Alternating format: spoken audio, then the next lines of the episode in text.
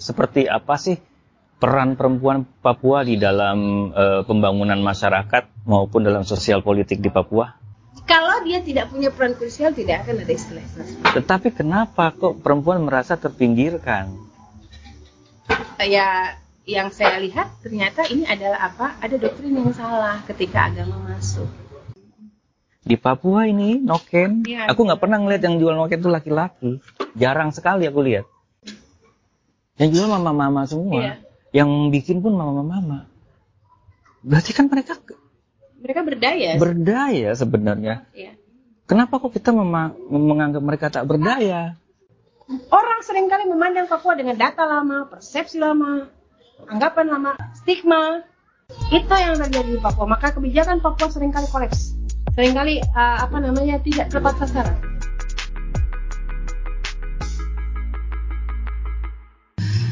Hai teman-teman, kita kembali lagi dengan unboxing. Kemarin sudah lihat ya, teman saya tidak ada di Jayapura, adanya di Manokwari. Dan sekarang saya sudah bertemu dengan Kak Dian Wasaraka. bikin hoax ya, iya. bikin hoax. Mau bikin surprise, akhirnya kena surprise sendiri. Iya, saya tadinya mau bikin surprise itu diam-diam bilang, tahu-tahu ada di Jayapura, di Waena. Eh ternyata orangnya Aduh. Jadwalnya enggak, jadwalnya enggak. Uh, mau surprise malah kena prank. Ya, oke. Okay. Dia tebakan Tuhan. Iya. Kita okay. di mana nih Kadian? Kita ini lagi di, di kafe. Kafe. Saya tuh jarang saya gini ya, uh. ini ini kafe yang saya saksikan pertumbuhannya sebenarnya. Oh ya. Ya, dari yang tempat ini cuma lapangan doang, mm. sampai kemudian jadi kafe sebagus ini tuh mm. aku adalah saksi hidupnya. Karena memang tempat kecilnya Kadian ya di sini ya. Iya, iya, iya. Hmm, sekolah pun di sini ya. Iya. Gitu. gitu. Ini uh, namanya Cafe, Cafe Surf. Cafe Surf di Amban Beach. Amban Beach. Nah, Punyanya Abang Theo. Lain suasana di depan di sebelah kiri saya itu adalah pantai ya. Pantai. Uh, Amban Beach. Amban itu nama daerah di sini ya. Bukan Ambon ya? Bukan Ambon, beda. Walaupun yang punya ada ada ada daerah Ambon itu. Ah. Tapi orang Ambon punya usaha di Amban. Amban. Bagaimana membangun Amban ini menjadi sebuah tempat wah keren lah nanti. Oke, okay. okay, Kak. Ya. Kenapa balik lagi ke Manokwari? Lebih kepada uh, mencari challenge baru.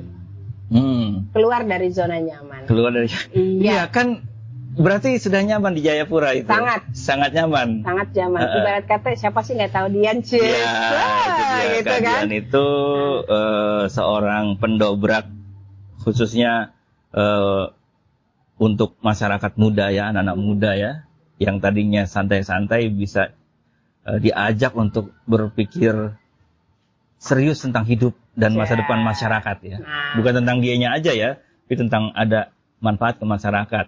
Contohnya, kalian ini tokoh yang menginspirasi teman-teman di relawan TIK Papua ya. Papua. Relawan TIK juga pendiri rumah belajar Papua. Okay. Apa banyak kali lah itu semua gitu. Belum lagi urusan-urusan orang-orang yang punya kuasa di sana itu mm-hmm. ya aku taunya kayak gitu sih Asyik. selalu terkoneksi dengan Kadian gitu kan Pak Kadian juga lulusan Nemhanas ya ya tahun berapa Oh, 2014. Tuh, aku nggak lulus lulus karena nggak pernah nggak pernah masuk. nah itu dia kenapa nggak pernah masuk gitu kan? Iya, karena karena masa lalu. Ah, saya gitu, ya. Ya kalau saya sih sebenarnya gini, mungkin saya pernah ada satu teman yang melakukan tes psikologi terus kemudian uh, dia hmm. bertanya uh, jawab secara cepat uh, empat ekor binatang yang ingin banget kamu ingin jadi gitu ya. Oh. Uh, saya sebut uh, pertama saya ingin jadi singa mm-hmm. dua harimau mm-hmm. tiga elang empat serigala. Ini predator semua nih ceritanya. Iya. Nah. Singa harimau elang serigala. Ah, kenapa memilih empat itu? I don't know. Jadi hmm. memang cuma disuruh dan ternyata itu terkoneksi dengan alam bawah sadar kita Terus kemudian kalau kita... Eh, maaf, maaf. Itu ditanyakannya saat kapan? Aku uh, ngejalanin kayak dia pengen kayak curious aja dengan hidup dan tuh kemudian orang kan pengen tahu sebenarnya pribadi kita kayak gimana sih. Uh, yeah. Tapi dari sisi profesional gitu ya. Yeah. Ketemu dengan psikolog terus kemudian. Hmm. Nah, terus kemudian uh, saya kan juga uh, belajar uh, psikologi komunikasi kemudian ada satu teori namanya teori Johari Window hmm. yang kemudian kepribadian manusia itu ada empat dibagi empat gitu ya empat kuadran ya jadi ada yang kau tahu kita sama-sama tahu yeah. terus kemudian saya tahu kau tidak tahu yeah. terus ada yang saya tahu kau tidak tahu kemudian ada yang blank area yeah. nah ternyata uh, yang kalau di uh, psikologis jadi bagian pertama itu adalah yang kita berusaha tunjukkan ke orang. Mm-hmm. Saya ingin tampil sebagai sebagai singa, tapi orang melihat saya adalah harimau. Mm-hmm. Yang ketiga adalah uh, pribadi kita yang sebenarnya. Jadi saya adalah burung elang mm-hmm. dan potensi saya sebenarnya adalah uh, serigala. serigala. Ternyata saya tuh burung elang gitu. Mm-hmm. Nah, burung elang dalam filosofinya dia tuh memulai hidup keduanya tuh di usia 40 tahun. Oh gitu. Yes ada cari deh filosofi uh, burung elang uh, uh, yang kemudian dia merasa bahwa bulu-bulunya udah berat apa dia akan kemudian pergi ke tempat yang asing sama sekali di puncak gunung biasanya. Dia menyendiri dan kemudian dia akan mencabuti seluruh bulu-bulunya dia hingga tumbuh bulu-bulu yang baru. Terus kemudian dia akan mematuk mematahkan uh, apa namanya paruhnya. uh. sehingga tumbuh paruh yang baru mencabuti segala macam jadi seluruh dirinya dia itu dia, dan kemudian dia akan menjadi uh, sesuatu yang baru. Kayak bermetamorfosis gitu yes, ya? Yes, lah, something like that. Dan saya merasa di usia 40 tahun, uh, saya pada titik nyaman. Hmm. Dan itu sebenarnya berbahaya buat saya. Iya. Yeah. Ketika saya sudah ada titik nyaman, uh, di Jayapura tuh saya nyaman banget. Ada rumah, ada segala macam ya, hmm. koneksi teman, sahabat tapi kemudian saya tidak tahu apa yang mau saya achieve lagi. Hmm. Setelah itu apa gitu. Hmm. Undangan sebagai pembicara udah tiap bulan gitu kan. hmm. kan. Uh, entah itu online, entah offline. Mau ketemu dengan siapa aja tinggal angkat telepon gitu. Hmm. Tapi uh, setelah itu apa gitu. Hmm. Uh, akhirnya ya berhijrah lah kita. Hmm. Ya berhijrah ke sini dan kemudian alhamdulillah memang uh, selain itu kemudian jujur saya ada ber, saya berdoa, saya berdoa, saya bilang Tuhan, saya ingin memuliakan orang tua saya. Entah saya dipanggil duluan atau mereka dipanggil duluan, usia, usia saya udah 40 tahun dan saya nggak tahu kap, sampai kapan gitu. So, ya begitu selesai berdoa itu beberapa minggu kemudian saya dipanggil untuk pekerjaan di sini. Itu pilihan untuk supaya bisa itu tadi menuju metamorfosis untuk hidup yang lebih baik begitu. Mm -mm. Dan ada agenda-agenda lain. Iya. Oh gitu ya. Berarti sekarang sedang menjalani hidup sebagai seekor elang. Uh, saya tidak bisa memisahkan diri kapan saya menjadi. Maksudnya gini, mem membuang itu ya. Maksudnya hmm. sekarang saya ini elang nih besok. Hmm. Karena buat saya itu itu part of me. Okay. Uh, so sekarang saya lagi elang nih tiba-tiba yeah. dalam situasi bahaya saya bisa jadi serigala gitu nanti oh, tulus gitu. terus uh, tinggalin tinggalin gitu oke okay. oh serigala kayak gitu ya filosofinya ya tinggal yeah, aja uh, ya.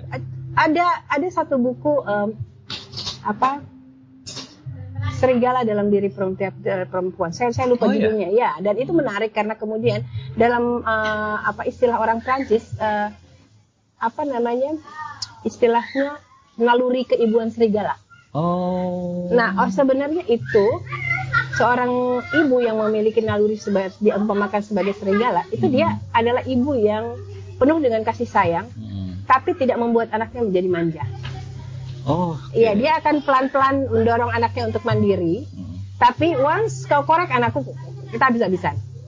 Nah, jadi uh, itu benar. Saya, saya dan saya sendiri kemudian baru menyadari itu ketika iya selama ini saya kadang-kadang fight fight tapi ketika kemudian udah nggak bisa dipertahankan ya udah tinggalin yeah. aja nothing tulus gitu yeah.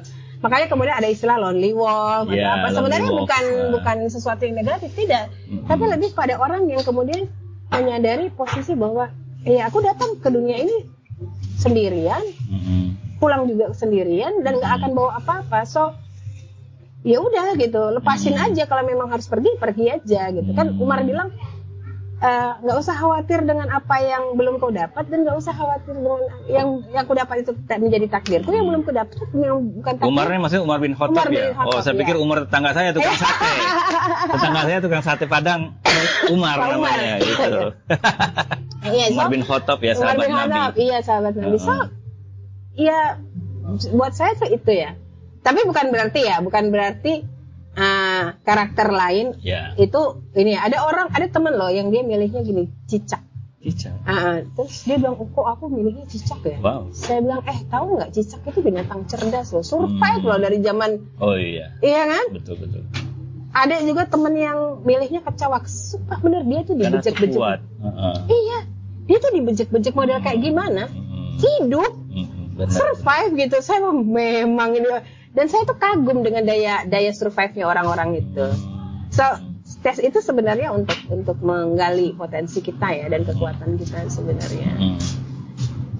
oke okay, kak berarti sekarang tinggal di Manokwari eh, pekerjaannya sekarang eh, sebelumnya kan kakak dosen di masih aku masih, masih juga aku di masih. Universitas Muhammadiyah, Muhammadiyah Papua. Papua. Iya, aku masih masih masih dosen di Universitas Muhammadiyah Papua.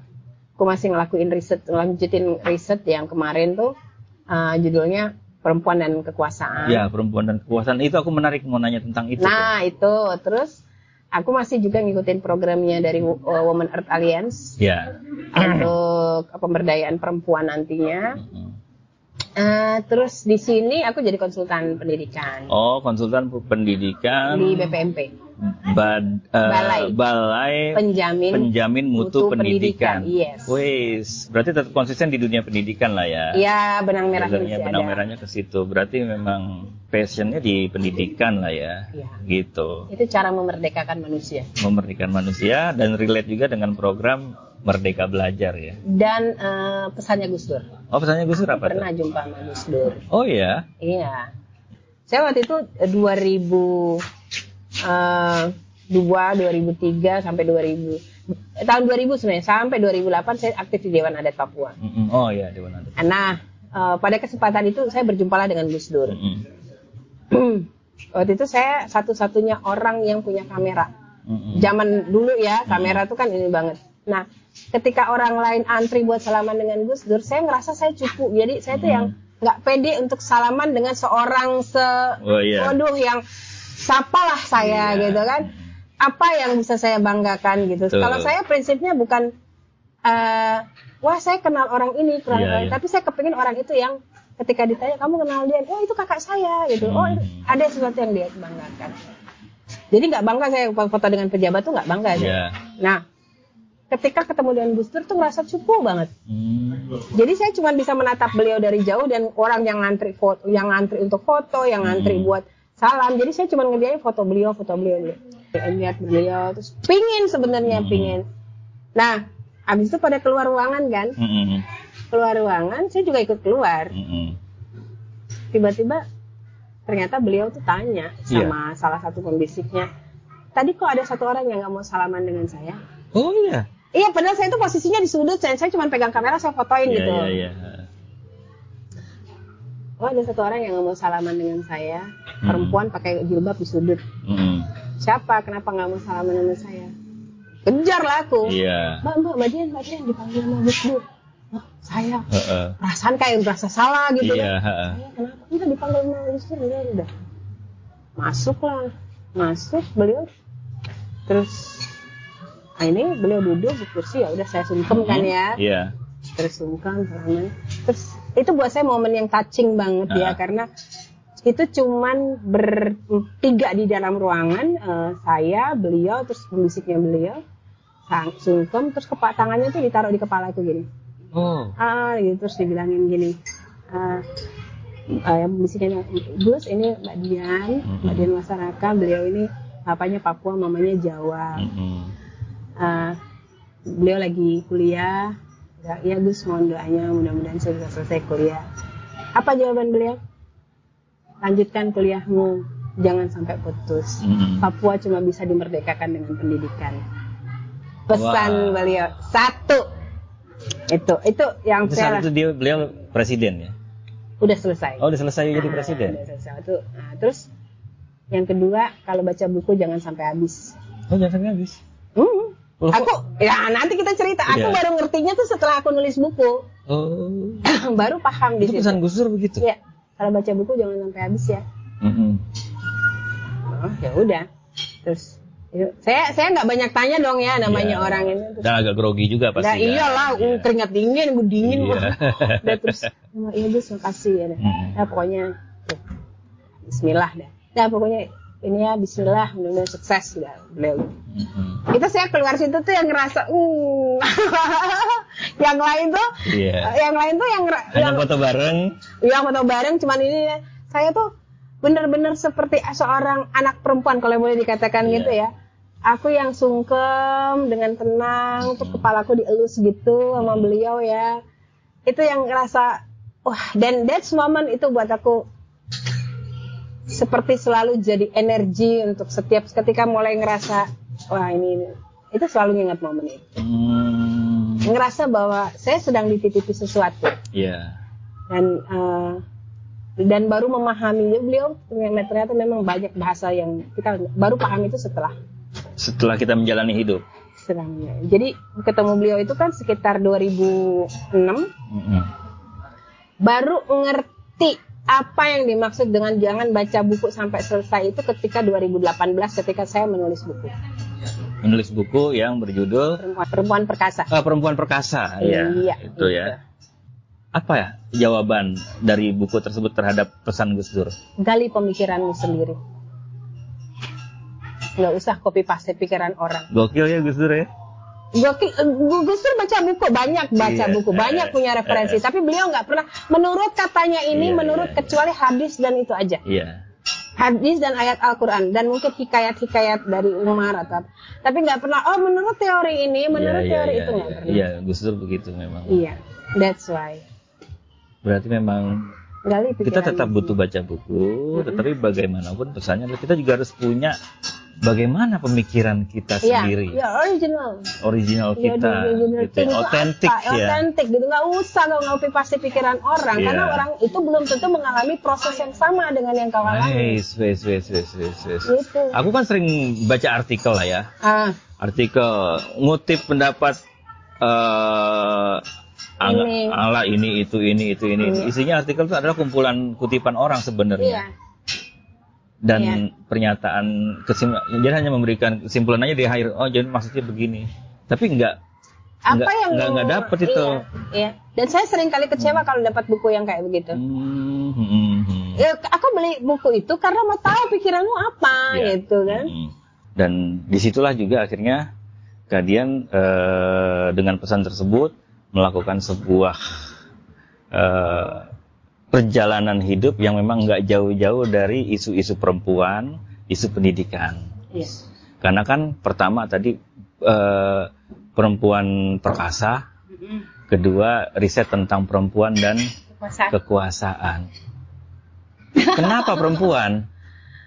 Perempuan karena bagian dari diri saya sendiri. Oke. Okay. Boleh dong saya tahu tentang kaum saya lebih dalam. Hmm. Pertama itu. Yang hmm. kedua, kita harus sadari bahwa literatur tentang perempuan, terutama perempuan Papua itu sangat sedikit. Terutama perempuan Papua. Yes. Seperti apa sih peran perempuan Papua di dalam uh, pembangunan masyarakat maupun dalam sosial budaya, sosial politik di Papua? Ini bicara sebagai antropolog ya? Iya. Iya, yeah. yeah, beliau adalah antropolog gitu.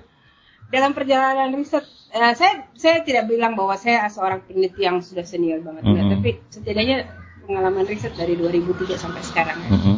Saya akhirnya menemukan sesuatu uh, sebuah teori atau keyakinan dalam diri saya bahwa ada banyak literasi uh, peran perempuan yang kemudian peran perempuan Papua yang kemudian itu terpinggirkan. Mm. Tidak tidak uh, ke, dia tidak tidak lagi seperti dulu. Kenapa saya bilang dan itu yang akhirnya sebenarnya bikin masalah. Hmm. Uh, contoh ya sederhananya gini orang sering kali bilang bahwa uh, Papua itu budayanya patriarki, maka kemudian uh, posisi perempuan itu pasti termarginalkan. Iya. Yeah. Nah, uh, padahal dalam kasus suku-suku yang saya temuin itu tidak seperti itu. Iya, memang nama anak itu memakai nama uh, ayah. Ayah. Mm -hmm. Tapi peran perempuan itu juga nggak kecil. Mm -hmm. Contoh di uh, apa Kaimana ya, Kaimana itu ada budaya sasi. Mm -hmm budaya ini da uh, budaya yang di mana satu daerah ditutup mm-hmm. ada jangka-jangka waktu tertentu uh, dan itu yang bisa membuka dan menutup itu tuh perempuan. Oh gitu. Iya. Nah, uh, yang dipercayakan ya kalau dalam hal ini di di apa namanya pengelolaannya itu ada di saudara perempuan raja gitu. Oh. Perempuan memang tidak bisa menjadi raja, tapi pembisik raja, penasehat raja uh, itu perempuan. Itu ya. Terus kemudian uh, jika terjadi pelanggaran di daerah itu, maka diibaratkan dengan pelanggar itu mm -hmm. melakukan pemerkosaan terhadap permaisuri raja. Artinya mm -hmm. dia dihormati kan sampai kemudian dijadikan simbol. Iya. Yeah. Nggak mungkin kan yang ece-ece yang dijadikan simbol. Yeah. Nah oke okay, seperti itu. Terus kemudian di Korowai mm -hmm. uh, ada rumah pesta disebut mm -hmm. dengan gil. Gil, ha? Ya. Kemudian di dalam gil itu ada altar suci. Mm -hmm. Nah altar suci ini dia akan punya ada pintu dan pintunya itu berhadapan langsung dengan satu rumah kecil yang sudah dibangun yang disebut dengan gilalalop. Gilalalop iya, artinya? Ya, rumah pesta perempuan. Oh gitu. Rumah pesta eh, Gil itu rumah pesta, lalalop itu anak perempuan. Jadi rumah pesta punya anak perempuan. Hmm, itu di Koro, Koro, Korowai. Ya. Nah, Jadi kalau kita lihat, kenapa altar altar ini harus berhadapan dengan anak perempuan? Mm -hmm. Kenapa nggak bukan anak laki-laki? Betul. Itu kan? Hmm. Oh, kenapa rumah pesta itu nggak dibikin dari semen dengan spek permanen gitu? Hmm. Bahwa setiap hmm, helai daun sagu yang dibuat di dalam rumah itu sepanjang 30 meter itu berarti ribuan daun sagu. Iya. Yeah. Dan itu daun uh, dari uh, helai daun sagu duri. Itu kan dipilih, dibersihkan proses membersihkan itu beliau uh, saya saya dapat informasi adalah itu hikmahnya gini untuk memulai sesuatu yang baik buang dulu deh yang jelek Oke. Okay. Gitu. Yeah. Dan itu kan tidak tergantikan. Ada proses filterisasi ya, yes, sortir. Iya. Gitu. Dan ya. itu kan tidak kita terjebak pada seremoni tapi tidak pada ritual yang selama ini terjadi di Papua. Hmm. Pengangkatan pengangkatan kepala suku orang maaf ya maaf yeah. ya bukan bermaksud menyerang tapi ho yeah. gitu maksudnya. Uh -uh orang dari luar datang wah diangkat jadi kepala suku ini ini oh, segala yeah. macam pemahkotaan eh come on itu seremoni iya yeah, betul karena ritual punya proses yang panjang ya dan ritual tidak bisa dilepaskan dengan adat istiadat yang, yang, yang panjang iya, uh, uh, iya. gitu aku bilang pak memangnya kalau pesta ini uh, apa namanya itu hutan dijadiin sawit Mm-hmm. Nanti jadinya apa? Bukan pesta ulat sawit, pesta ulat sawit. Emang bisa pesta ulat sawit? Iya, gitu ya. ya kan? Nah, uh, perempuan peran perempuan itu kita juga kenal tokoh uh, Engganita Manufandu. Mm-hmm. Engganita Manufandu ini tokoh bukan bukan legend-legend gitu ya, tapi dia tuh benar-benar ada hidup dan menginspirasi pergerakan di Biak. Di Biak ya? Ya, di Biak masyarakat adat Biak kalau biak itu pulau, kalau yeah. biak itu suku. Masa ada biak itu mereka punya istilah namanya insuraki. Insuraki. Insuraki perempuan pejuang. Hmm. Binshawi, perempuan yang dihormati, perempuan yang disayang. Artinya perempuan memiliki peran-peran krusial. Iya. Yeah. Kalau dia tidak punya peran krusial tidak akan ada istilah-istilah. Tetapi kenapa kok perempuan merasa terpinggirkan? Ya yang saya lihat ternyata ini adalah apa? Ada doktrin yang salah ketika agama masuk. Oke, okay. padahal Karena kan dilihat uh, imam itu laki-laki, iya. maka semuanya harus laki-laki okay. dan perempuan ya silahkan di belakang aja. Iya, padahal kan kalau kita lihat dari adat leluhur, ya. perempuan begitu mulia. Ya, dan Islam juga agama juga sebenarnya memuliakan iya, perempuan gitu. ya sebenarnya iya. ya kan. Cuma orang kemudian memandang dan menafsirkan agama secara letterly dengan kemudian pemahaman dia yang terbatas. Berarti terjadi pergeseran pemahaman dalam memaknai eh, bagaimana peran perempuan itu di dalam sebuah masyarakat. Kita baru aja gitu. selesai eh, haji kan, mm -hmm. ibadah haji ya. Mm -hmm. Siapa yang selalu disebut? Pak Haji. Nabi Ibrahim alaihissalam dan oh. Ismail dan putra. Semoga oh, iya. kita bisa meneladani Ismail oh, iya. Ibrahim alaihissalam. Siti Hajar enggak ya? Hajar. Di mana peran Hajar? Iya. Memangnya Nabi Ismail itu bisa bisa seteguh itu kalau bukan hasil didikan emaknya. Eh, betul. bapaknya long distance loh, LDRan loh. Iya. Uh, bapaknya kan cuma mengunjungin berapa tahun sekali. Belum. Tuh, iya betul. Tuh anak tiba-tiba jadi gitu. Iya. Emaknya ke mana? Iya. Terus emang Nabi Ibrahim bisa dengan seteguh itu, dengan sekuat itu. Ya dia hmm. nabi, tapi dia juga kan manusia gitu. Betul. Kalau nggak punya istri yang hebat, oh. Makanya saya Cuma uh, narasi-narasi agama kan memang tidak mengangkat peran tidak Hajar diangkat, itu. Atau sengaja tidak mau diangkat. Karena nah, kemudian dia. menganggap bahwa segala-galanya itu harus lagi-lagi. Oh, entar mm -hmm. gitu. Mm -hmm. um, apa namanya? Bukankah perempuan juga punya banyak inspirasi? Siti Maryam, iya. Siti Maria, Hanifah, Sarah, Sarah, mm -mm. gitu kan? Uh, Khadijah. Khadijah. Nah, sekarang gini, Asia. Uh-uh. Asia, saya tuh sempat berdebat dengan seorang teman. Aku bilang gini, eh mohon maaf ya, biarpun bapaknya Ken Arok, kalau ibunya Ken Dedes, anak jadi raja bos. Mm -mm. Biarpun ibunya Nabi, uh, bapaknya Nabi Nuh, kalau uh, apa namanya maknya Madam Lot anaknya nggak jadi apa-apa berarti peran perempuan yang mencetak secara konsisten itu sebenarnya perempuan ibu adalah madrasah ibu. bersama seorang anak kan dan ini sebenarnya yang coba secara terus menerus coba saya gaungkan coba saya bicarakan kepada semua pihak untuk penyelesaian konflik di Papua saya bilang konflik di Papua bukan cuma selesaiin masalah ekonomi. Mm-hmm. Kalian mikir nggak ketika seorang pengungsi, seorang ibu pengungsi dalam kondisi mengandung, ya, mm-hmm. dia nggak sadar dia membawa kebencian dan kesedihan dan air matanya dia dan itu dialirkan ke anaknya loh. Yeah. Dan kita menciptakan uh, bom waktu sebenarnya. Mm. Mau sampai kapan? Kalau dalam proses rekonsiliasi nggak ada faktor uh, peran psikolog yang kemudian trauma healing dan sebagainya nggak akan selesai persoalan di Papua. Mungkin juga di Aceh gitu ya. Saya nggak tahu hmm. proses di Aceh kayak gimana. Hmm. Tapi di Papua kita hanya mengedepankan ekonomi, keamanan, ekonomi. Muter seorang manusia, seorang manusia itu cuma perlu makan dan nggak punya hati. Hmm. Apa ini jadi gak emosi? Ya nggak apa-apa, harus emosi di sini. iya, aku gitu ya. coba ngomong itu ke banyak pihak, ke semua pihak sampai pedes, sampai berbusa nih mulut. Hmm.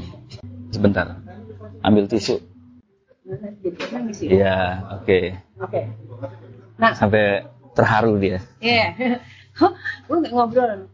Terus ngomongin masalah literasi dan numerasi di Papua yang katanya gini gini gini. Aku bilang, iya bener. Persoalan membaca itu bukan hanya masalah orang bisa baca. Ini habit, kebiasaan. Nah hmm. kebiasaan itu dibentuk. Mohon maaf. Iya. Anak melihat bapak ibunya membaca nggak di rumah? Yeah, bapak ibunya main HP. Mm -hmm. Nah itu satu. Nggak ada teladan. Yang kedua ada bahan bacanya nggak? Iya.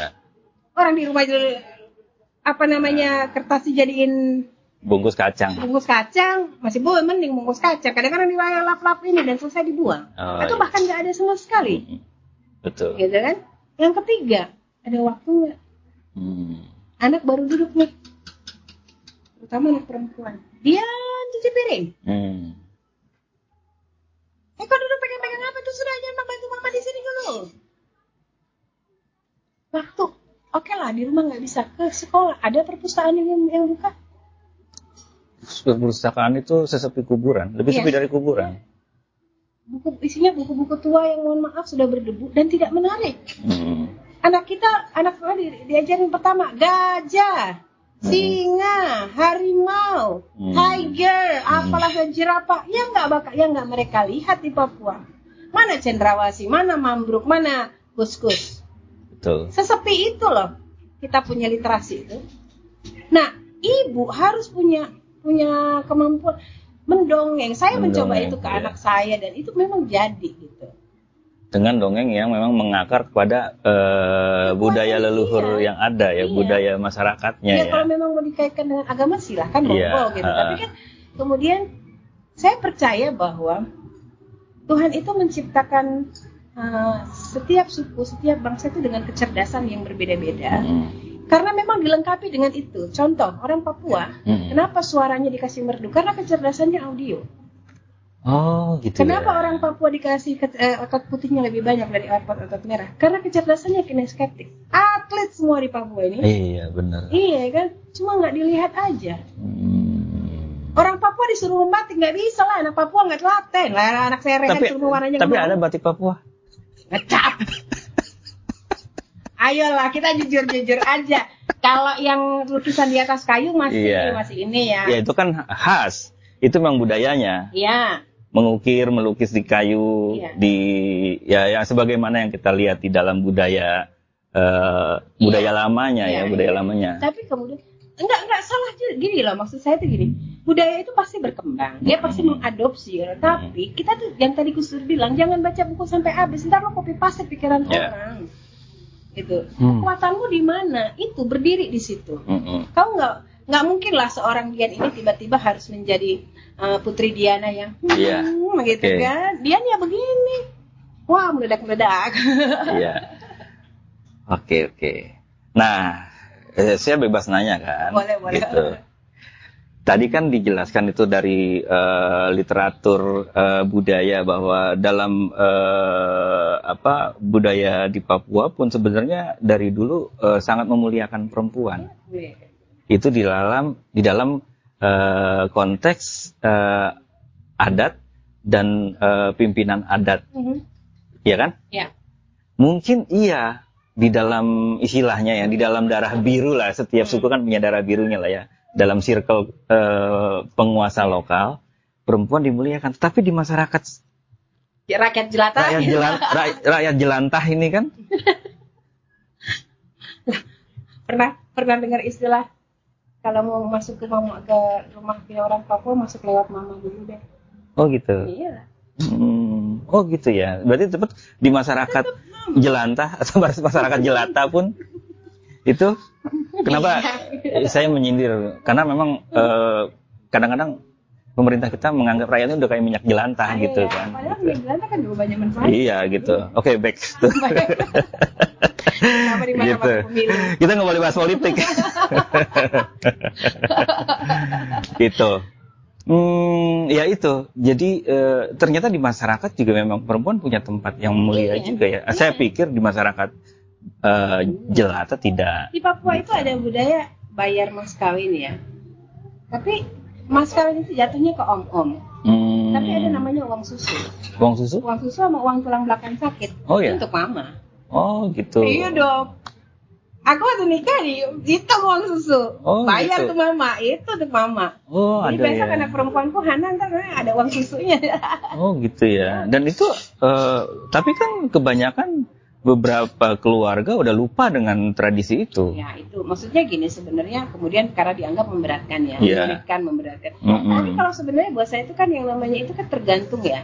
Uh, uh. Tergantung aja sih sebenarnya bukan kemudian kita mengganti air susu ibu oh sampai sampai kapan pun tidak. Nggak akan tergantikan. Ya, akan pernah tergantikan. Tapi ini sebagai wujud kasih sayang aja, ikatan gitu. Yang harus dipahami sebenarnya dari tradisi itu bukan bagaimana monetize-nya, bukan bukan soal duitnya, ya. tapi bagaimana memuliakan ibu. Ya. Perempuan. Ya. Sebenarnya yang harus dipahami dengan generasi oleh generasi sekarang tuh itunya ya. Ya, ya sebenarnya juga mau berapa miliar pun nggak tergantikan dan oh, karena itu mungkin juga ya jumlahnya juga uang susu, uang tulang belakang pun juga bisa dikompromikan kan? Iya, iya. Kayak gitu. Iya. Iya. oh itu ada ya? Iya, ya, itu ada. Ada di semua suku itu ada. Uh, apa namanya di hmm, suku-suku di pegunungan mm-hmm. laki-laki mungkin perintah perang tapi asesnya buat perang atau enggak itu dari perempuan mm, ya yeah. yeah. kenapa laki-laki akan tanya sama perempuan eh mm-hmm. kalian udah bisa ini kita udah bisa perang belum ntar dulu kita punya dapur belum aman nih persediaan bahan makanan logistiknya dia mereka yang ngukur ya, ya karena mereka yang punya mereka yang bertanam kan mm-hmm. Jadi kalau kalau saya nih jadi panglima kalau kesempatan hmm. ketemu sama panglima, aku bilang aja Pak ngobrol sama ibu-ibu, jangan sama bapak-bapak, bapak-bapak udah kebanyakan bohongnya dah. Ngomong ya. sama mama-mama tuh. Iya, keluar kekuatan mama-mama. Iya, the power of mama tuh makhluk keras paling kuat di muka bumi. Mama tuh gitu. Hmm. Jadi kita sering kali merupakan perempuan dalam konteks uh, siklus hidup ya. Mm. Makanya saya kemudian suka banget dengan uh, puisinya uh, Badriah Fayumi kalau nggak salah Never Forget Sayyidah aja. Hmm. Nah itu buat saya tuh ini banget uh, benar-benar yang jadi jadi pokoknya setiap Idul Adha saya akan posting lagi foto uh, puisi tentang itu. Sayyidah ya, Hajar itu. Dan saya bilang tadi karena tidak mungkin ada seorang laki-laki yang teguh kuat berdiri kalau nggak ada perempuan, seorang perempuan yang menopang dia. Nah, seorang perempuan ini lahir dari apa? Dari pendidikan. Hmm. seorang perempuan itu yang membuat dia uh, bisa kuat itu adalah ketika dia terdidik dan dia akhirnya bahagia. Tapi kan perempuan dulu tidak mengenyam pendidikan. Dalam tanda kutip tidak sadar sekolah, tapi apakah karena seorang kepala suku tidak terdidik? Oke. Okay. Ya. Pendidikan natural ya. Ya. Hmm. Gitu kan uh, apa? Ketika seorang perempuan itu dia bahagia, dia merasa dia aman, dia pasti akan kemudian menyerahkan hidupnya, dia akan ber, memperjuangkan apa yang dia yakini gitu. Hmm. Uh, untuk untuk apa ya? Untuk fight, untuk maju gitu ya. Dan dia tidak pernah keberatan untuk di belakang. Hmm. Aku tak disebut namamu nggak masalah, yang penting anakku maju gitu kan. Yeah. Nah, atau ah, yang penting suamiku hebat gitu. Nah, persoalannya adalah kemudian apakah kemu, uh, perempuan ini di, di apa orang Jawa bilang di wongke? Di wongke, diorangin, hmm, ya, dimanusiakan. Dimanusiakan gitu. Uh, perasaan aman dia terpenuhi, perasaan dia dicintai terpenuhi, perasaan bahwa uh, kau diterima apa adanya gitu kau indah sebagai dirimu hmm. apakah itu terpenuhi atau tidak sering kali perempuan ada dalam posisi dituntut harus menjadi refleksi dari keinginan seorang laki-laki hmm.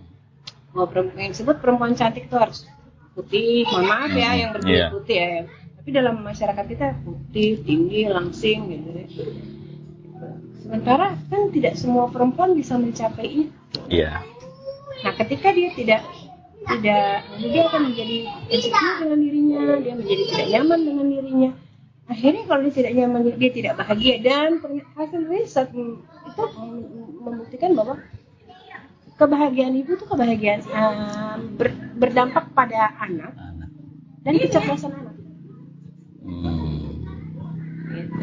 Hajar walaupun dibuang di tengah ini kan kemudian dia waktu ditanya gini, uh, Siti Hajar saya jalan waktu ditanya kenapa kamu meninggalkan kami di sini hmm. Nabi Ibrahim kan diem aja yeah. tapi waktu dibilang apakah ini perintah Tuhan ya dia langsung legowo dengan yeah. itu dia langsung oh, yeah. dari kemudian dia oh ini berarti perintah Tuhanku dan aku yakin dengan yeah, itu kan betul. jadi tidak ada apa pun yang bisa menggoyahkan aku aku yakin ini bukan karena masalah uh, apa namanya interest pribadi bahwa Nabi Ibrahim hanya lebih mengutamakan perasaannya salah dibandingkan hmm. karena narasi maaf, maaf narasi yang selama ini dibangun itu adalah seolah-olah Nabi Ibrahim Nabi Allah Ibrahim itu lebih mengutamakan cara upaya perjuangan hak-hak perempuan yes. itu kan sudah lama banget umurnya di Indonesia ya okay. bahkan uh, setiap setiap bulan April kita merayakan Hari, uh, hari Kartini 21 April. November 11 eh, hari tanpa kekerasan. Ya, ya. macam-macam hari ibu, ibu gitu. Sudah lama sekali bahkan sampai pemerintah mengadakan yang namanya Komnas Perempuan. Ya kan? Uh, dari sektor uh, hukum juga ada yang namanya lembaga bantuan hukum anak dan perempuan ya banyak banyak banget kan itu kan tetapi dengan umurnya yang panjang, perjuangannya yang panjang, sampai hari ini kok masih kayak belum ada hasilnya ya? Atau sudah ada hasilnya cuman kita nggak tahu atau bagaimana? Usaha, upaya usaha-usaha membela hak perempuan. Kalau dibilang nggak ada hasilnya, saya juga nggak terlalu sepakat. Mm -hmm. Artinya hmm, kita lihat sekarang ada progres. Mm -hmm ya walaupun ini mungkin seperti baby walk tapi kan 100 kilo perjalanan itu kan dimulai dengan satu langkah hmm. jadi hargailah berapapun langkah yang telah kau capai hmm. itu pertama okay. yang kedua eh, hati-hati jangan-jangan kita ini mau keluar tapi kita bukanya jendela bukan pintu oke okay. jadi hmm. akhirnya yang keluarannya lebih sedikit dibandingkan yang banyak itu nah mungkin ini juga menjadi refleksi untuk kita semua teman-teman uh, pejuang hak perempuan gitu. Mm -hmm. uh, mohon maaf ya, saya tuh agak miris kadang-kadang dengan wah iya perempuan itu harus diberi kebebasan untuk berpakaian sesuka hati bla bla bla. Mm. Terus dalam tanda kutip sedikit ada pihak-pihak tertentu yang ngeblame perempuan berjilbab. Mm -hmm. Ya terus kan apa salahnya? Ini yang satu berbikini lu bela-belain, terus kemudian mm -hmm. yang berjilbab lu nggak bela-belain. Apa mm -hmm. apa, apa masalahnya? Mm-hmm. Kan sama-sama kalau memang dibilang perempuan harus diberikan hak untuk berpakaian sebebas-bebasnya, ya udah gitu. Ya bebaskan apa pun. Iya, mau berjilbab, mau berbikini ya udah, sepanjang tidak mengganggu, tidak uh, apa namanya dalam konteks tekanan masyarakat ya. Mm-hmm. Katakanlah uh, uh, kalau dibilang uh, sebebas-bebasnya, tapi kemudian masyarakat itu uh, merasa risih dengan perempuan yang berbikini, ya udah kita yeah. yang iya. harus menyesuaikan gitu. Jangan hanya pintar menuntut hak, tapi nggak pandai menunaikan kewajiban. Hmm, setidaknya bukan kewajiban lah, pandai menempatkan diri. Iya. iya. Pada tempat situasi konteks yang pas. Iya. Kan gitu kan? Iya. Oke oke oke. Ya, itu tadi yang saya bilang. Akhirnya kita dengan kita memang saling sendiri. Iya aku sempat diskusi ngobrol sih sambil ngopi sama teman-teman waktu itu di uh, sebuah daerah lah di Jawa. Yang uh, perempuan kita ini tertindas perempuan kita kita hidup dalam dunia patriarki gitu kan. Terus aku bilang saya nggak pernah melihat seperti itu loh. Karena yang saya lihat di kampung-kampung saya pernah ke Pandeglang di situ ibu-ibu kerjaannya mencari kayu bakar ya mem, untuk dijual untuk bertahan hidup. Lalu di Bali mereka ada di ladang. Di Papua ini noken, ya, aku nggak pernah ngeliat yang jual noken itu laki-laki. Jarang sekali aku lihat. Di pinggir-pinggir jalan ini aku di Jalan Raya Abipura nih beli ini kan. Yang jual mama-mama semua. Ya. Yang bikin pun mama-mama. Berarti kan mereka mereka berdaya. Berdaya sebenarnya. Ya. Kenapa kok kita menganggap mereka tak berdaya? Yang gitu paling parah lagi kan waktu saya tulis di buku Perempuan Perkasa itu saya bilang seorang perempuan Korowai hari ini kita baru bicara pada konsep child free. Hmm. Di Korowai itu udah jalan. Hmm. Jadi perempuan Korowai itu kan mereka bisa dan berhak untuk bilang saya mau menikah dengan kamu tapi saya nggak mau punya anak dari kamu. Boleh. Hmm. Tapi suaminya pengen punya anak. Terus hmm. gimana? Iya. Bisa adopsi. Iya ya anak uh, anaknya uh, ade anak segala macam itu bisa tapi kalau suaminya bilang kepingin punya anak biologis gimana? Iya. Yeah. Masa berzina? Iya. Yeah. Ntar salah lagi. Ya udah nikah. Iya. Yeah. Nah nikah kan kemudian perempuan Korea punya hak. Saya boleh dong. Saya oke okay, kamu saya izinkan kamu nikah dengan syarat sahabat saya yang kamu nikahi. Saya yang memilih yeah, perempuannya. Betul. Gitu. Oh gitu ya. Iya. Jadi kan artinya ada toleransi dua Betul. kali. Gitu. Nah, kompromi ya. Kompromi dua kali gitu kan. So kita jangan kemudian hanya mengerti sepenggal, melihat hmm. ujung, terus kemudian tidak kemudian langsung mengambil kesimpulan. Mana saya pernah satu kali dalam sebuah forum, udah bicara lah, semua orang itu. Terus saya bilang ini situasi Papua sekarang ini begini, ini begini uh, menurut Abdi pengguna data internet di Papua itu sampai 2 juta sekian. Iya. Yeah. Mendekati 2 juta. Penduduk Papua hmm. dan Papua Barat Daya itu 3 uh, 4, hampir 5. Apa kata Tuhan? Wah, berarti di Papua itu orang yang tinggal di pedalaman-pedalaman juga udah bisa mengakses internet dengan sinisnya. Hmm. Mbak jangan ngambil data palsu dong. Ini saya juga pernah ke Papua ngakunya gitu terus saya tanya bapak ke Papua tahun berapa hmm. oh saya waktu itu ke Papua itu tahun 90-an oh oh gitu okay. ke mana pak saya ke Jayapura waktu itu masih Irian Jaya deh terus saya ke Jayapura terus saya ke Wamena oh dan bapak bilang bapak tahu Papua Hmm. Saya hidup besar, saya lahir besar dan hidup di Papua sampai sekarang sampai detik saya bicara ini. Yeah. Karena waktu kita zoom ya, uh. itu saya, saya, saya ada di Papua sekarang. Uh -uh konsep bapak yang bapak bawa itu Papua zaman dulu berapa puluh tahun yang lalu. Hmm. Terus kemudian bapak bicara di forum ini dengan konsep pengetahuan bapak yang begitu. Sudah kada luar saya. Ya. Yang kedua, bapak mohon maaf ya. Dulu belum belum berarti belum ada program bakti ya. Iya. Saya bilang bapak, bapak tahu nggak? Handphone itu kan bisa dibeli pak. Mm -hmm. Oke, okay? bisa satu bisa dibeli, bisa dibawa ke mana-mana kan? Mm -hmm. ya. Terus sekarang bapak kalikan aja jumlah bandara yang ada di Papua, bandara-bandara perintis itu semua punya visa pakai uh, pakai satelit, yeah. ya, oke. Okay? Mm. Terus demi menjalin uh, kemudian uh, kantor-kantor LSM, kantor field stationnya LSM LSM. Mm -hmm. Terus uh, misionaris misionaris. Berapa itu jumlahnya? Bapak kalikan tiga orang. Kalikan aja tiga lah, tiga atau empat. Penjaganya, terus masyarakat yang akses katakanlah tiga orang.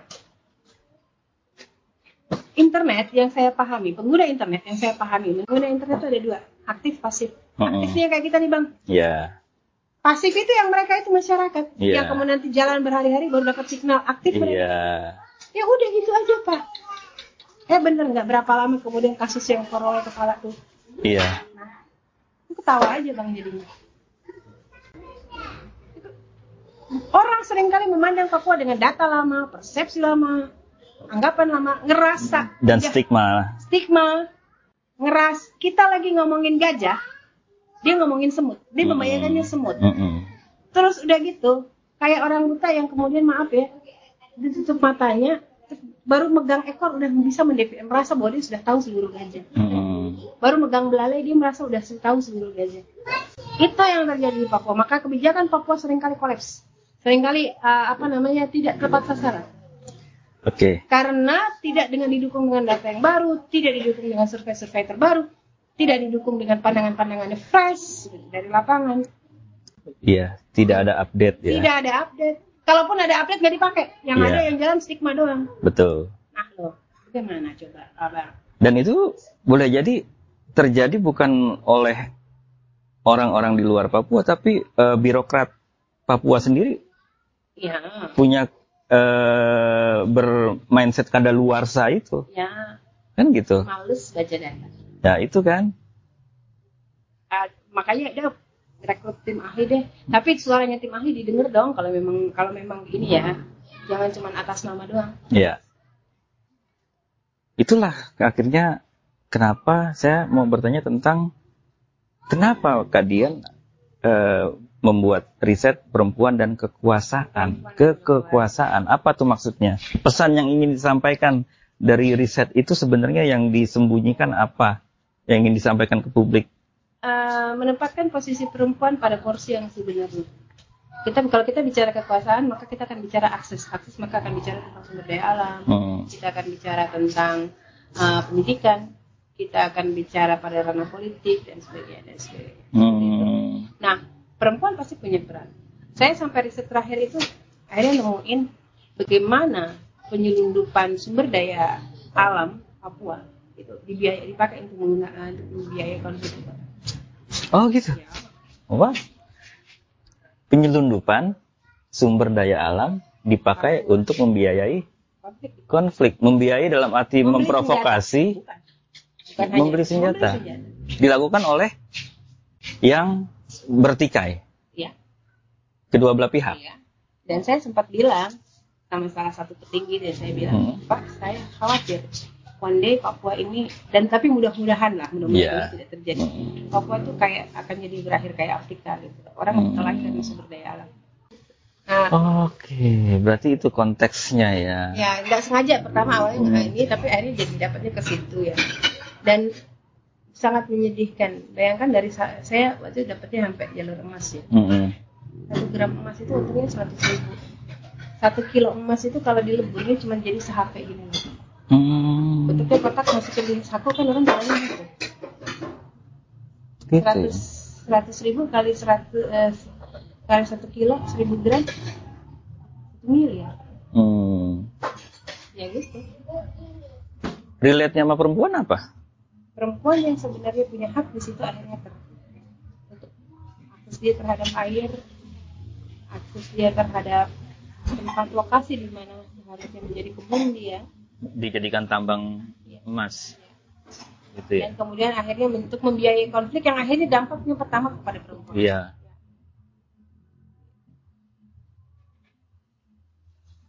Makanya sebenarnya, tapi ketika perempuan berperan dan tidak, ini kami punya daerah, kami ini sebenarnya pasti bisa masih bisa dilakukan. Ya tapi kan nggak bisa lah masyarakat kita itu berkeras melawan uh, korpora, korporasi tambang.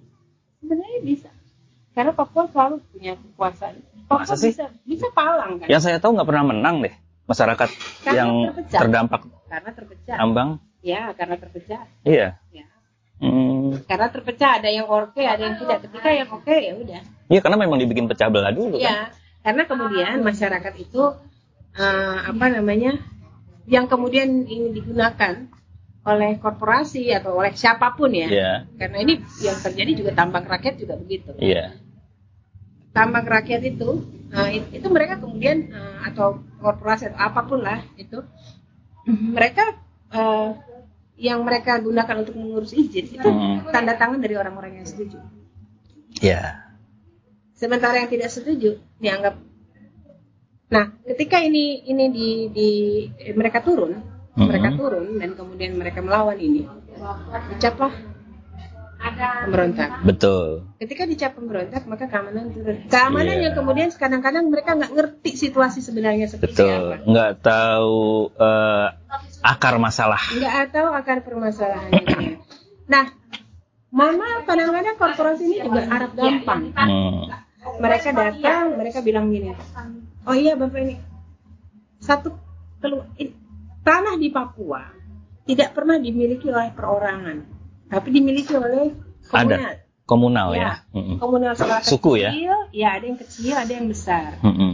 Nah, mata-mata rumah ini kadang-kadang katakan, ah, oh ya saya punya rumah, asal klaim karena udah tergiur uang. Ya. Ya, ya korporasi yang kemudian atau siapa pun lah, oh ya sudah ini. Yang penting tanda tangan. Iya persepsinya seluruh di Papua ini adalah kepala suku. Oh, ntar dulu Papua yeah. punya sistem kepemimpinan. Oh ya? ya. Apa aja tuh? Karena uh, pria wibawa itu yang mostly. Mm-hmm. Nah ini yang harus hati-hati. Kalau pria wibawa berarti sisinya demokrasi. Pria, wibawa itu maksudnya apa? Big man. Ini kalau menurut Josman Soben ya. ya.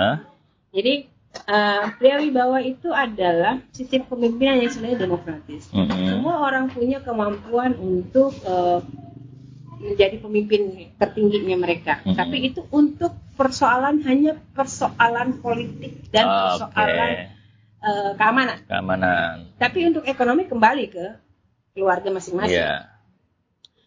Yang kedua raja itu raja. ada di uh, Fakfak Kaimana Raja Ampat. Hmm. Kemudian uh, kalau raja memang dia diturunkan dari anak. Iya. Dinasti ya. ya dinasti. Hmm. Yang ketiga itu adalah tipe kepemimpinan Kondoavian itu memang spesifik ada di Sentani. Kondoavian. Kondoavian, uh -huh. ya Kondoavian. Ya kayak kayak kepala suku gitu lah. Mm -hmm. Nah, yang kelima itu campuran. Keempat dulu dong. Eh sorry sorry keempat. Keempat yeah. itu eh, Kondoavian apa eh, campuran. Tipe campuran ini dia mengadopsi tipe raja, mm-hmm. tapi uh, kayak gini ya, semua berhak bersaing, tapi kalau ada tiga calon nih, bapaknya adalah uh, pemimpin sebelumnya, maka yeah. dia yang akan diprioritaskan. Oh gitu. gitu. Jadi ada empat tipe kepemimpinan di Papua, tapi itu hanya untuk urusan politik, hmm, untuk urusan keamanan, keamanan politik dan keamanan. Kalau ada kayak macam perang kayak kayak dulu lah. Tapi kalau urusan ekonomi kembali ke mata rumah di situ nah. Yang mata rumah tuh maksudnya apa ya? Keluarga gitu keluarga. ya. Jadi uh, kayak kalau di apa namanya ini tuh dibilang silamoknya itu lah. Hmm. Jadi uh, mereka kalau di apa pegunungan kan kita lihat rumahnya berkelompok ini. Iya. Nah, Oh komunalnya, komunitasnya ya, ya, entitasnya. Ya, jadi uh jadi kemudian apa? Kembali ke mereka. Hmm. Jadi memang urusannya gini terus terus kalau gitu kita pengusaha mau gimana dong? Ya udah kalau kalian mau berinvestasi ke Papua no, urusannya harus ribet gitu ini hmm. budaya hmm. atau kalian akan kembali berhadapan dengan masalah palang lagi palang lagi iya, palang betul lagi. iya kan banyak banget itu uh, istilah kalau kita jalan ke mana ada palang iya kayu palang kayu palang mahal, lebih mahal baharu, kan? iya betul yang pertama yang kedua yang menarik di sini adalah um, kita melihat bersama bahwa orang Papua tidak pernah terlepas dari tanahnya secara full. Oh gitu. Ya, ketik kalau kita pandangan kita modern ya, ketika saya nih tanah ya, yeah. saya beli ya, mm -hmm. ya udah, saya berhak ngapain aja di tanah itu. Betul. Kau tidak lagi punya hak atas apa pun atas tanah itu. Mm. Di Papua tidak. Kau beli ini fisiknya. Uh -huh. Tapi secara religi, secara sosial saya masih akan tetap terikat di tanah itu. Oh begitu? Ya. Dan itu sudah tahu sama tahu sesama orang Papua? Ya makanya sering kali mereka masuk lagi ke daerah perusahaan, katanya daerah perusahaan. Oh, itu yang tidak dipahami oleh orang-orang yang uh, membeli sumber daya tanah di Papua ya? Dulu ada, bukan maaf, tapi kejadian nyata. Ada satu bidang tanah dibeli ya. Mm -hmm. Waktu saya masih SMA Pak. Di daerah kita bilang Reni. Dia beli gitu. Terus dan jadi jual beli apa segala macam ada ininya secara hukum sah segala macam. Berapa bulan kemudian dia kembali lagi orang itu kembali lagi ngapain coba? Panen durian. Yang punya tanah marah dong. Iya. Iya. Bapak kenapa curinya lah bapak saya kan memang jual tanah tapi, tapi kan saya tidak potong eh, tidak jual durian.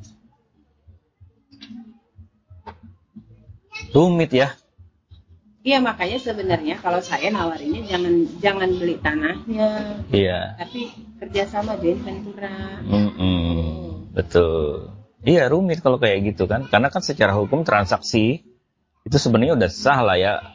Kalau di tempat lain lah ya, ya kita beli ya dengan segala isinya, gitu kan atas maupun bawah iya. gitu kan Tiba-tiba tetapi itu haknya saya. Uh, uh, tetapi di Papua tidak begitu ya ternyata ya uh, nah hmm. itu yang saya dapat di banyak di riset riset saya termasuk relasi perempuan dan kekuasaan hmm. eh, kekuasaan dia dia terhadap tanah terhadap sumber daya alam dan sebagainya dan itu sering kali tidak dipahami dan kemudian bikin konflik dan ketika konflik orang-orang ini maunya dengan instan nggak manggil apa iya karena mereka punya uh, dasar autentik secara hukum. Ya, dan gitu. kemudian aparat juga secara cuma secara letterless menerjemahkan gitu. itu ya udah hukum harus ditegakkan. Uh, gitu. Tetapi kan memang juga orang yang membeli itu kadang-kadang memang memprovokasi men menciptakan kondisi agar itu masyarakat menjual tanahnya. Ya. Kayak gitu. Gitu. Eh gue jahat ya pertanyaannya ya. Enggak ya? Ya gimana ya? Dulu istilahnya kita Santai kok gue. Bor gitu ya. Uh -uh. Barbir bor iya. Iya, kan kayak gitu. Ya makanya sekarang, masyarakat diiming-iming ini duit. Iya. Gitu kan? Tapi kan dia sebenarnya menciptakan bom waktu buat dirinya sendiri. Itu harusnya kan uh, orang yang punya kuasa itu uh, memahami budaya tadi itu loh bahwa uh, ya di, seperti tadi itulah gitu dan bagaimana solusinya uh, jangan mempertentangkan antara hukum modern dengan hukum adat. tradisi hukum adat ya. gitu loh tetapi bagaimana tadi collab dengan joint venture misalkan ya, kayak gitu ya. itu adalah komprominya mestinya ya, ya. di situ ya walaupun kemudian ada riset saya yang lain juga mm -hmm. itu jadi kayak hmm. ada riset lain yang lain tentang uh, ini sederhana saja saya lihat kok ini di daerah di toko-toko yang retail-retail besar ya itu jarang dengan Papua hmm. di resto di resto juga gitu ya saya tanya. Uh -uh. kita waktu penerimaan kita prioritaskan mereka. Terus? Iya. Paling kan tahan cuma satu dua tiga bulan empat bulan lima bulan langsung pada keluar keluar. Kenapa hmm. gitu? Uh, gini kebanyakan yang kerja itu kan anak diminta dengan syarat umur ya. Itu anak muda. Kalau anak muda kadang-kadang mereka dari kampung. Mereka dari kampung tinggallah mereka di rumah omnya tantenya kakak perempuannya. Nah usaha di rumah itu dia harus juga ngurusin ponakannya hmm. kakaknya bilang ntar ya kakak pergi ke pasar dulu cuma sebentar kakak balik. Sebentarnya katanya harusnya jam 8 pulangnya jam 10 jadi Ada, menghambat dia ya, di tempat kerja. dia terlambat dan ketika dia terlambat ya SP 1 SP ya hmm. saya ngobrol dengan salah satu pemilik hotel ternama di bukan pemilik dia pengelola dan um, manajer manajer uh, GM uh, perempuan pertama di dalam jaringan hotel itu iya yeah. Pasifik akhirnya beliau mengeluarkan kebijakan untuk bikin mes mes ya dan ketika anak-anak itu ditempatkan di mes mereka bisa saya mau cerita, eh, mau nanya tapi takut sih. Takut promo ya? Takut tersinggung, enggak enggak. Uh, ini mo mohon maaf Agat, saya hanya bertanya berdasarkan apa yang pernah saya dengar. Hmm. Kan kita berangkat dari tadi, banyak orang yang punya stigma negatif tentang orang Papua. Oke. Okay. Gitu ya. Hmm. ini mohon maaf banget, maaf banget teman-teman, terutama yang teman-teman Papua. Karena saya pernah dengar. Uh, ada yang bilang gini ke saya. Belum lama deh itu. Uh, kenapa di tempat-tempat bisnis di, di Papua itu, eh, waktu itu ngomongnya di sana, itu sangat sangat melelahkan kalau mempekerjakan anak-anak Papua. Karena mereka bahkan untuk membedakan mana jus alpukat dengan jus yang lain aja itu sulit. Oke. Okay. Gitu. Ini uh, dia ngomong kayak gitu karena dia pengusaha hotel. Oke. Okay. Gitu.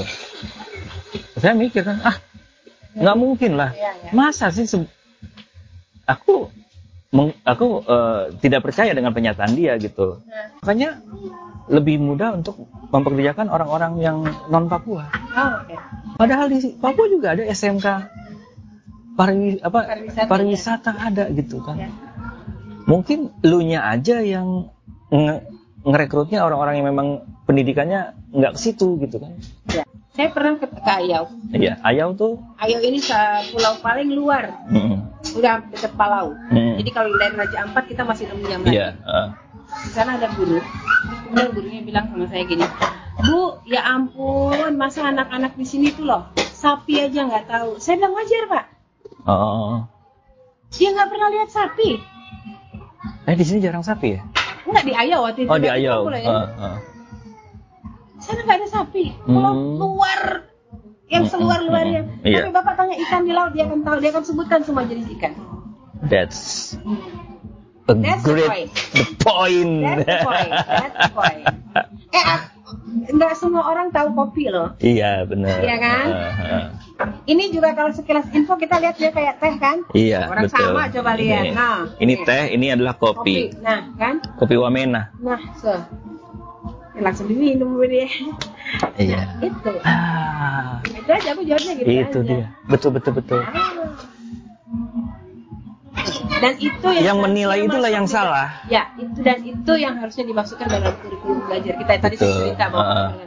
mana cendrawasi mana mambruk Betul. mana kuskus dan juga satu hal lagi yang juga vital bahasa lokal yang mungkin anak-anak muda sekarang nggak nggak cuma Papua ya di daerah-daerah lain mereka udah sangat tidak mengenal ya. bahasa lokal ya.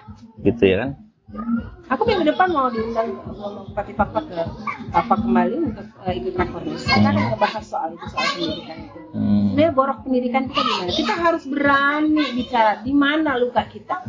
Ngaku yeah. dulu. Ketika kita mengaku bahwa kita lukanya di sini kurangnya di sini, maka kita akan menemukan obat. Jangan sampai masalahnya sebenarnya sakit gigi, kita kasihnya obat sakit pinggang. Iya, yeah, betul. Nggak nyambung. Oh, iya. Nah, kita harus berani sebenarnya untuk apa uh, riset riset It, dikti itu kan banyak sekali dana buat riset dan walaupun Betul. saya nggak pernah menang ya nggak jodoh uh, saya sama dikti sebenarnya. Iya, walaupun saya dosen belum pernah satu pun saya dapat tapi jodohnya saya untuk dapat riset dari luar. Uh -uh. data-data riset itu kan banyak. Gunakan itu. Uh -uh. panggil saya kalau di, ada orang panggil kak ini ya tapi gratisan. Nggak masalah. Hmm. itu kewajibanku untuk ngomong. Hmm. untuk menyampaikan hasil penelitian itu iyalah. Sebenarnya kekuatan apa kearifan lokal kita masyarakat kita di mana pun ya untuk menyelesaikan persoalan sebenarnya dengan ngobrol ya. Iya. ngobrol kayak kita sekarang nih. Iya, dengan obrolan kita sekarang unboxing Kak Dian saya jadi banyak tahu aduh, aduh, aduh. tentang bagaimana uh, tradisi bagaimana uh, local wisdomnya bagaimana segala hal yang oh banyak orang yang keliru dalam memandang itu gitu kan mungkin termasuk saya punya kekeliruan juga gitu dalam memandang gitu. Saya mencoba itu di kelas. Mm -hmm. Mahasiswa banyak saya banyak anak-anak muda. Mm -hmm. Sebagai satu-satunya dosen anak Papua di Universitas Muhammadiyah Papua, mm -hmm. saya melakukan pola pendekatan itu. Jadi saya jujur di dalam kelas saya nggak berani. Iya. Yeah. Saya berdiri, suara saya keras sampai di belakang, nggak ada pakai-pakai mic, mm -hmm. dan nggak ada cerita drama-dramaan dalam kelas. Iya. Yeah Kenapa? Karena saya tahu mahasiswa saya kebanyakan anak-anak dulu dan mostly mereka punya kepemimpinan adalah kepemimpinan big man. Big man tadi. Artinya kuat-kuatan. Iya. Mm. Gitu. Kalau kamu nggak kuat, saya injek-injek kamu hari ini. Nggak mm. peduli, apalagi kau perempuan gitu ya. Mm. Tapi ketika kau dan itu terbukti gitu di kelas saya. Itu efektif ya. Tapi yang saya tahu di luar kampus kalian sama mereka bahkan nongkrong makan bareng, masak bareng. Nah itu. Jadi uh, saya sudah sebelum waktu masuk kelas saya ini saya kelas adalah dosenmu di iya. luar yeah. saya sahabatmu temanmu kakakmu gitu itu pola ya. pendekatannya ya. beda lagi itu dan biasanya dengan pendekatan yang santai itulah justru akan lebih iya bonding ya. Orang mereka mau demo aja lapor saya dulu. Ah, gitu. hati-hati demo, gas air mata. Gitu. demo, bu, kita mau demo dulu. Saya bilang, eh, saya mau ngajar di jam segini. Terserah lu mau demo, silakan demo. Tapi ntar kalau dapat eh, eh, don't you cry mama ya. Iya. Kita ikut dulu jam kuliahnya ibu. Oke, oke, oke, gitu. Habis itu demo. Mm -mm. Terserah aja. Ya saya pernah satu kali, Bu, kok mahasiswanya nggak dilarang kampus? Saya bilang itu bagian dari demokrasi, nggak usah resisten. Yang Mereka kan belajarnya dengan cara kayak gitu juga dong. Ya, yang gitu. penting nggak anarkis, ya, udah gitu aja. Jangan jangan terlalu di inilah. Terus kemudian, ya kita kan tidak bisa mengendalikan masa sebanyak itu. Ya kalau bapak datangnya bawa pentungan, mereka juga orang yang resisten Iya, dong. betul. Coba bapak bawa datangnya bawa bunga, kasih Ya, tuh ah. yang cantik-cantik. Paling gitu nggak kan. bawa pisang Oh, goreng. Pisang goreng sini duduk makan selesai ya. kasih ya. kasih gitu. Iya. Ada apa sih ini ngobrol gitu Iya, kan? kan? Asik ya. Iya. Mohon maaf ya, Mm-mm. jangan jadi alatnya pengedek-pengedek. Iya. Yang ngomong dia ya. Iya, saya, mah. Loh, saya kan mau one day nanti Allah takdirkan saya ke sana kan ya, saya juga harus. Iya. Dan saya nggak insya Allah nggak ingin berubah, maksudnya nggak ingin. Maksudnya gini, saya pernah ditanya sama teman, kan kalau lu udah di sana, kamu udah di sana, kamu berubah nggak? Mm-mm. berubah apanya nih Eh, cara pikir atau apa saya bilang yang kalaupun saya berubah saya berharap saya berubah ke arah yang lebih baik karena satu yang saya minta dalam setiap doa saya habis sholat itu saya Hmm. selalu bilang gini eh, masukkan saya dengan cara yang baik dan keluarkan saya dengan cara yang baik dan berikanlah dari dua kedua sisimu itu kekuasaan yang menolong kalau kekuasaan dan pengetahuan yang saya miliki itu nggak menolong nggak usah Oke.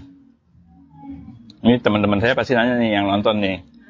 Maksud kalian, kalau saya sudah di sana, Hah? kontesnya mereka kan nggak paham. ya udah nggak apa-apa biar aja Gitu ya.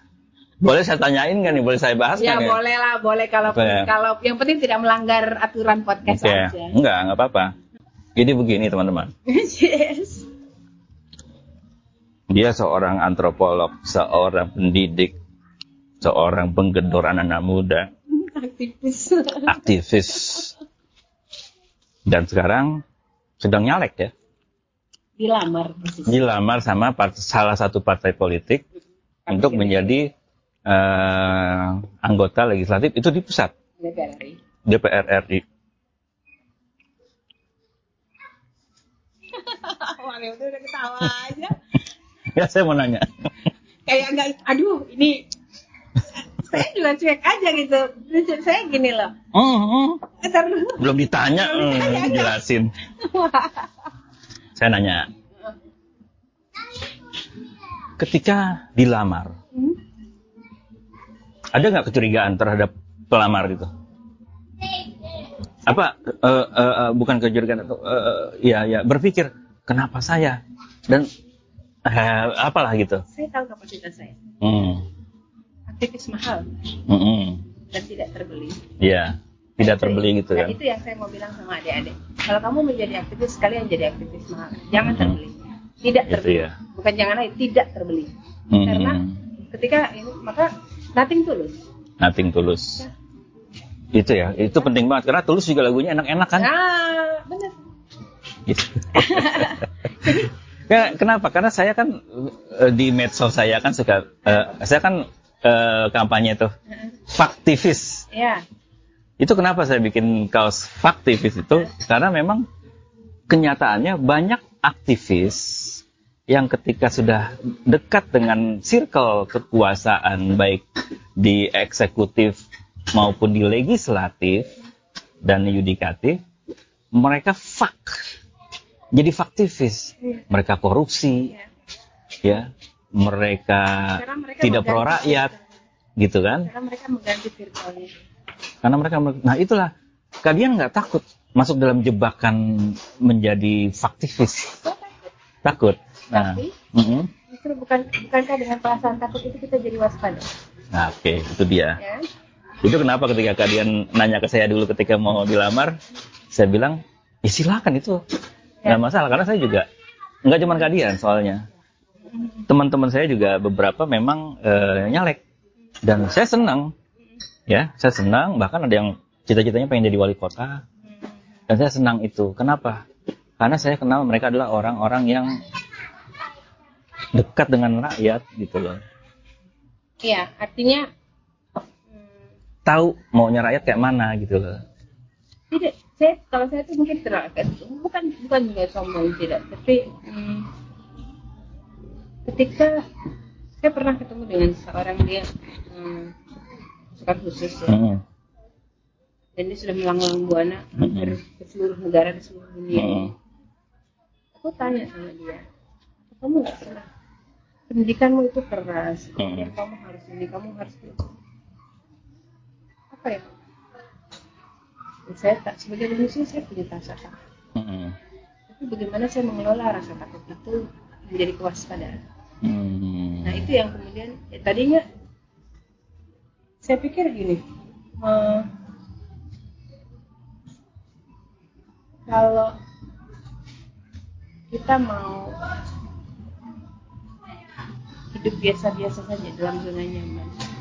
Kita bisa memberikan kontribusi. Tapi mungkin hanya di batas itu. Iya. Kita perlu tantangan baru yang mungkin juga memberikan efek positif ya, baru. Ya. jadi saya berharap mudah-mudahan uh, berhasil ya karena uh, semua teman saya yang nggak cuma kalian sedang sedang nyalek saya berharap berhasil. Karena bagaimanapun uh, saya percaya dengan teman-teman itu. Kesalahan masyarakat itu terjadi karena diamnya orang benar. Betul, itu, betul itu. Sama dalam konteks di uh, politik, sosial, budaya, online, ya sama kayak gitu. Banyaknya kejahatan ya karena banyaknya orang iya. baik yang diam. Iya, iya nggak mau bikin konten, iya. mau ikut nyebarnya hoak di grup-grup WhatsApp karena yang tahu itu hoak diam saja, iya, cuma menggerutu dalam hati. Iya. Ah dasar lu kirim hoak mulu. Dia tidak mencoba mengoreksi, mengklarifikasi kayak gitu. Oke deh, makasih Thank ya, Jauh-jauh loh. Iya. Dari ngejarnya jauh banget, dia pura, Manokwari, balik lagi ya. Yes. Mana ulahnya pokoknya, alhamdulillah. Saya terus. Oke okay teman-teman makasih. Unboxing friend